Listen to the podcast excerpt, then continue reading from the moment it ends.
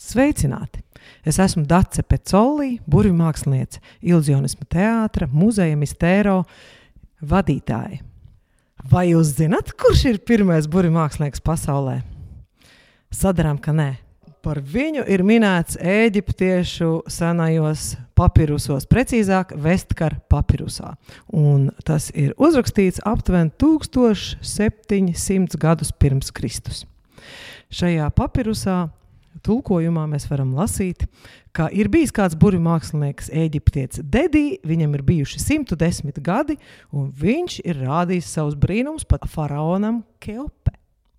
Kāds tad bija viņa triks? Nu, labi, bērni aizbāziet ausis, jo triks ir nedaudz nežēlīgs. Bet esiet droši, viņai nekas nenotika. Un tagad triks. Dedī, burbuļu mākslinieks, nogrieza zosī galvu. To galvu nolika vairāku metru attālumā zemē, un pēc dedīja burvju mājiena zos ar nogriezto galvu piecēlās kājās, aizskrēja līdz savai galvai, apvienojās ar to, atkal kļūstot par veselu un dzīvu zosi. Tici, netici! Profesionāli burbuļu mākslinieki mūsdienās zina šī trika noslēpumu un varat būt droši, ka zosī nekas slikts izdarīts netika. Un tagad, vai jūs zinat kādu arī ļoti, ļoti senu triku, kurš ir aptuveni 2500 gadus sens, bet viņš ir zināms un tiek rādīts arī mūsdienās.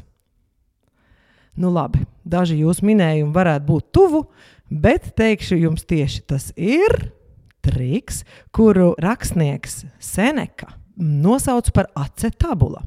Kā tad viņš tika izpildīts? Tika ņemti trīs puķpodiņi Un šie trīs puķpodiņi, dažādi pārvietotamies, lika te uzburties, te pazust akmeņiem.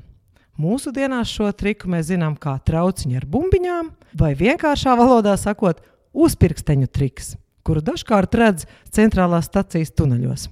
Un šis triks ir ļoti populārs bijis cauri gadu simteņiem un gadu simtiem. Ir piemēram kāda 300 gadu glezna Itālijā, kur ir rādīts burbuļsaktas, kurš rāda triku ar trauciņiem un bumbiņām.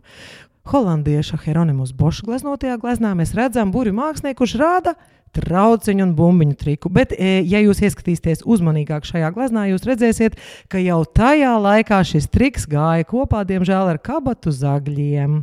Laikā pat, kad vēl kabatas netika izgudrotas. Un par šo triku mēs zinām arī 500. gados kādā grāmatā kurā ir minēts par to, ka šis trauciņu un bumbiņu triks ir rādīts arī tajā laikā. Un tās grāmatas nosaukums bija Raganu grāmata.